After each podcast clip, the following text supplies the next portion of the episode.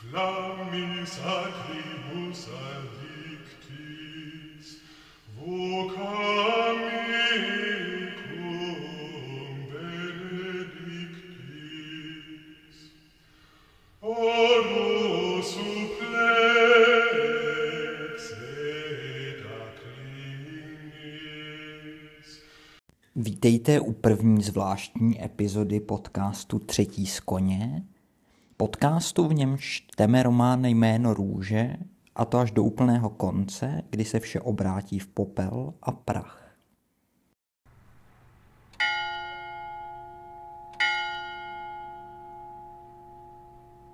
Při nahrávání standardních epizod se ukázalo, co by eh, bystřejšímu člověku, než jsem já, bylo zřejmé už od samého začátku, totiž to, že některá témata, na která v průběhu čtení knihy Jméno růže narazíme, by si zasloužila větší prostor a detailnější vhled, eh, než ty standardní epizody jsou schopné poskytnout, nebo já jsem v nich schopný poskytnout, bez toho, aby ty nabobtnali na přílišnou délku, neutopili se v detailech a dalších a dalších odbočkách. Tohle je proto první, doufám, z řady zvláštních epizod, nebo jak moje kolegyně, která je velkým e- expertem na podcasty a bohatnutí na podcastech, říká bonus. A nicméně vzhledem tomu, že bonus dosud není spoplatněn, tak na něm asi nezbohatnu. Každopádně tahle ta první zvláštní epizoda, nebo říkejme tomu klidně bonus, bude věnována Benediktinům. Řádu svatého Benedikta, tedy nejstaršímu dosud existujícímu západokřesťanskému mnížskému řádu. Zároveň řádu, v jehož klášteře se odehrává děj knihy, nad níž se zde scházíme. Řád svatého Benedikta vzniká v první polovině 6. století a vychází z pozdně antického mnížství. První klášter za benediktinů byl založen v Subiaku, nicméně známější následně v roce 529 na Monte Cassino, což je hora nad městem Cassino, zhruba na půl cesty mezi Římem a Neapolí. Za zakladatele řádu bývá tradičně považován Bene, svatý Benedikt z Nursie, který žil zhruba v letech 470 až 543 s tím, že v prakticky všech zdrojích, které jsem procházel při přípravě tohoto bonusového dílu, jsou oba ty letopočty s otazníkem. A právě Benediktovi z Nursie je připisována, no, připisováno autorství Benediktovi Řehole, která, pokud by vás zajímala, je v českém překladu dostupná třeba na webu cisterciáckého kláštera ve Vyšším Brodě, přičemž Benediktova řehole je souborem pravidel mnížského života, popisující od organizace opatství po každodenní život mnichů a to, jakým způsobem mníši mají organizovat svůj čas – a zároveň tedy Benediktova řehole slouží, nebo v historii posloužila jako vzor pro celou řadu dalších mnížských řádů, které po vzoru tady Benediktinů postupem času vznikaly. Co se samotného Benedikta z Nursie týče, ohledně jeho života je známo jen velmi málo faktů, za to celá řada legend, což je ale u svatých asi spíš nutnost. Nebudu se tak příliš věnovat samotnému Benediktovi, ale zaměřím se spíš na řád samotný. V průběhu staletí po založení Montekasinského kláštera, tedy po roce 529, se benediktinská řehole stala normou mnížského života. K tomu přispěla celá řada faktorů, za zmínku stojí mimo jiné unifikační tendence Karla Velikého, pod jehož vlivem se právě Benediktova řehole stala vzorem pro mnížství v celé římské říši. Zároveň se tedy během času od benediktinů, někdy též zvaných jako černí mníši, odštěpila celá řada dalších eh, křesťanských řádů nebo západokřesťanských mnížských řádů. Kamaldulové na konci 10. století, myslím, cisterciáci na konci století 11. Celestíni ve 13. století a trapisté ve století 16. abych zmínil aspoň ty nejznámější. Čím je benediktinský řád zajímavý a čím se liší od většiny ostatních řádů, je to, že nemá hierarchickou strukturu, nemá jako řád jednoho vedoucího, jednoho čelního představitele, ale každé opatství je samostatné a právník ve mně by řekl, že má svou vlastní subjektivitu. V čele každého opatství pak stojí u mužských eh, opatství opat, u ženských opatství a batyše. Opatství se nicméně združují do kongregací, a to často na základě vztahů zakladatelských a založených klášterů, kdy kláštery vysílali své mnichy do míst, kde zatím žádný klášter nebyl, řekněme, aby tam klášter založili a následně tedy ten nově založený byl ten založený klášter určitým způsobem podřízený tomu původnímu klášteru, ze kterého mniši přišli. Takhle, pokud si dobře vzpomínám, a je to tedy hodně matná vzpomínka z nějaké návštěvy benediktinského opatství na Břevnově, myslím, benediktinské opatství bylo založeno a mnichy z Bavorska a pak samotný, tedy benediktinský klášter v Břevnově po Čechách zakládal celou řadu pobočných klášterů nebo odvozených klášterů. A později se tedy opatství združovala do kongregací nejenom tedy na základě těch vztahů zakladatelských a založených, ale také podle jazykových oblastí nebo územních hranic. Takže v současné době těch několik málo benediktinských klášterů, které v České republice ještě jsou, má nějakou svoji českou kongregaci. Tato združení, tyto kongregace měly různou strukturu a míru centralizace a v průběhu historie například klinijské opatství velmi slavné si nárokovalo svrchované vedení podřízených klášterů a oproti tomu třeba přináležitost k reformnímu okruhu v Korce spočívala pouze v převzetí společných zvyklostí v rámci kláštera, ale neprojevovala se tam ta hierarchická struktura.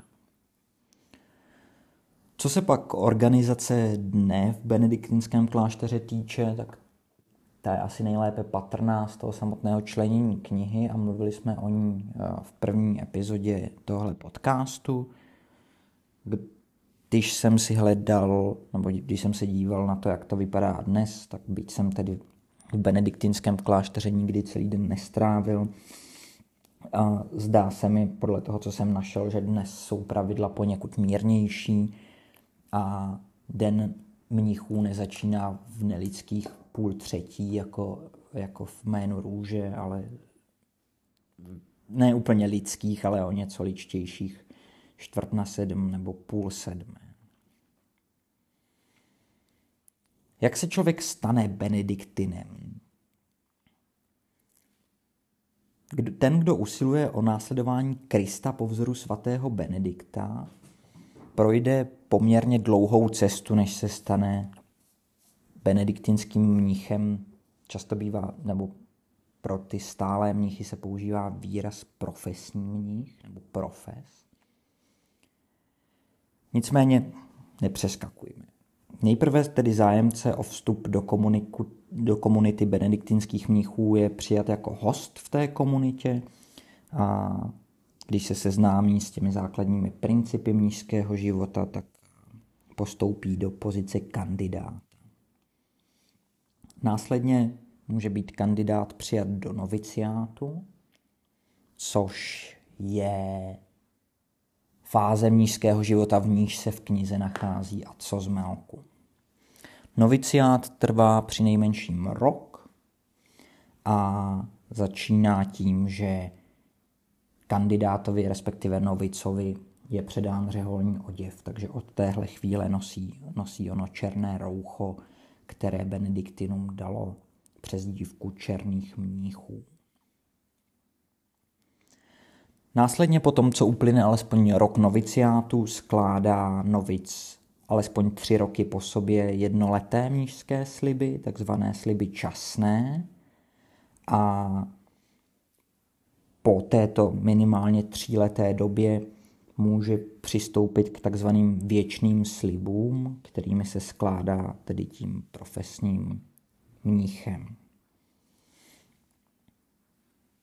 Obsahu těchto slibů týče, tak tři sliby jsou společné prakticky všem západokřesťanským nebo řekněme katolickým řádům. Je, je jimi slib chudoby, tedy zase vzdání se veškerého osobního majetku, slib čistoty, tedy v zásadě slib celibátu a slib poslušnosti. Benediktini k tomu ještě navíc přidávají slib stálosti, tedy slib té, které konkrétní komunitě jejímiž členy se stávají, čím se liší od uh, řádu jiných, například dominikánů nebo františkánů, kteří nejsou takhle spjati s jedním konkrétním opatstvím, s jedním konkrétním místem. Tolik tedy k Benediktinům obecně a vzhledem k tomu, jakou knihu čteme a co je v knize podstatné, jsem se podíval ještě na vztah Benediktinů ke knihám. Četba totiž má v benediktinském životě velmi významnou roli. Dokonce se o ní výslovně píše v řeholi Benediktově, tak článek 48 řehole předepisuje mnichům povinnost četby, která je naplňována jednak individuální četbou mnichů, jednak četbou v průběhu jídla, kdy všichni ostatní mniši, kromě toho, který čte, jsou přísně sticha. Ostatně díky tomu se vyvinul i například znakový jazyk benediktinských mnichů, kterým si ukazovali, co potřebují. Případně si sdělovali nějaké jako jednoduchá, jednoduchá sdělení, která si potřebovali říct během jídla, aniž by porušili tedy ten příkaz mlčení během jídla. A konečně četbou při bohoslužbách. S benediktinskou spiritualitou a četbou pak úzce souvisí Lectio Divina, tedy božská četba, což je zvláštní metoda modlitby, která spojuje četbu písma svatého s modlitbou, rozjímáním neboli meditací a nazíráním, tedy plací. Díky tomu, jak významnou roli četba v benediktinském životě hraje, pak kláštery vytvářely už během středověku knihovny a díky tomu se stávaly významnými centry vzdělanosti. Zvlášť když si uvědomíme, že zatímco benediktinské kláštery vznikají od první poloviny 6. století a třeba první univerzita, tak jak je dnes chápána, nebo za první univerzitu je považována Boloňská univerzita, která byla založena až na konci století 11. Zároveň se nacházíme v době, kdy neexistuje knihtisk. Je tedy třeba rukopisy opisovat. Je to vlastně jediný způsob, jakým je možné knihy rozmnožovat. Významnější kláštery proto mají svoje skriptorium, tedy písařskou dílnu.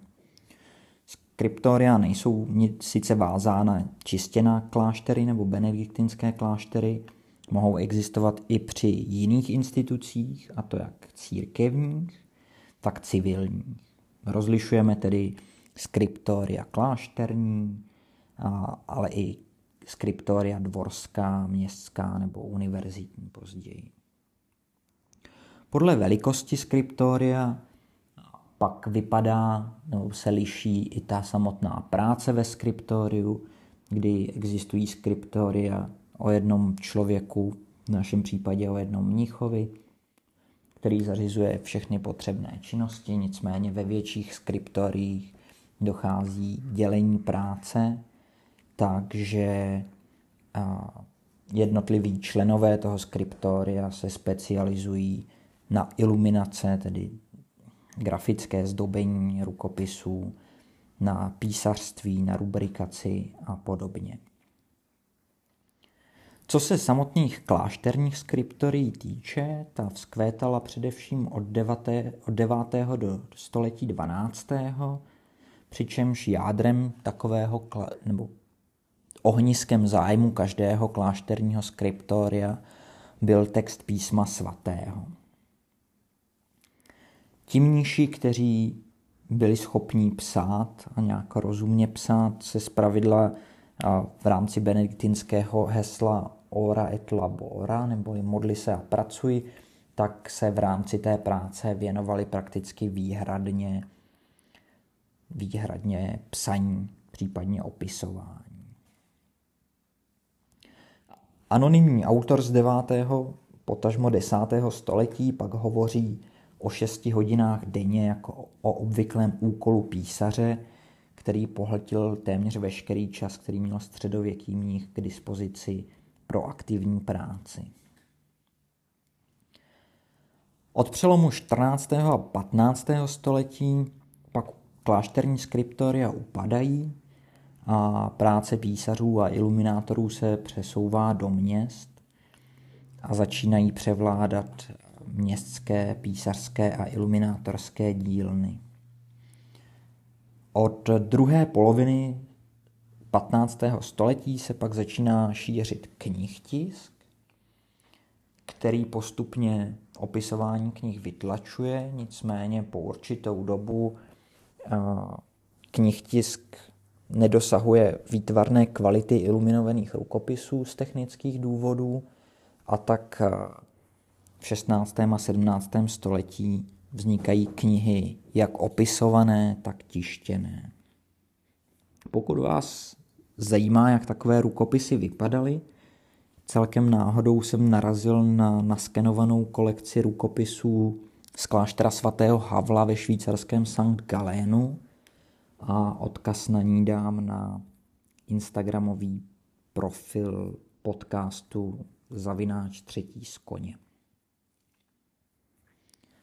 Já si myslím, že jako představení benediktinského řádu by to mohlo stačit. Pokud jsem se dopustil nějakých omylů, tak se omlouvám. Příště se sejdeme zase nad standardní epizodou, nad další kapitolou knihy Jméno růže. Nicméně rád bych pokračoval i v těchto těch odbočkách nebo bonusech s tím, že jednak bych se rád podíval na františkány a na spirituály jako odnos františkánů, protože z františkánského řádu je Vilém z Baskervillu a jednak bych se rád podíval podrobněji na to, jak vznikal takový středověký rukopis, protože je to věc hezká a zajímavá. Mějte se hezky, pokud mi něco chcete napsat, učiňte tak na Instagramu zavináč třetí z koně a u příští epizody se budu těšit. Ahoj.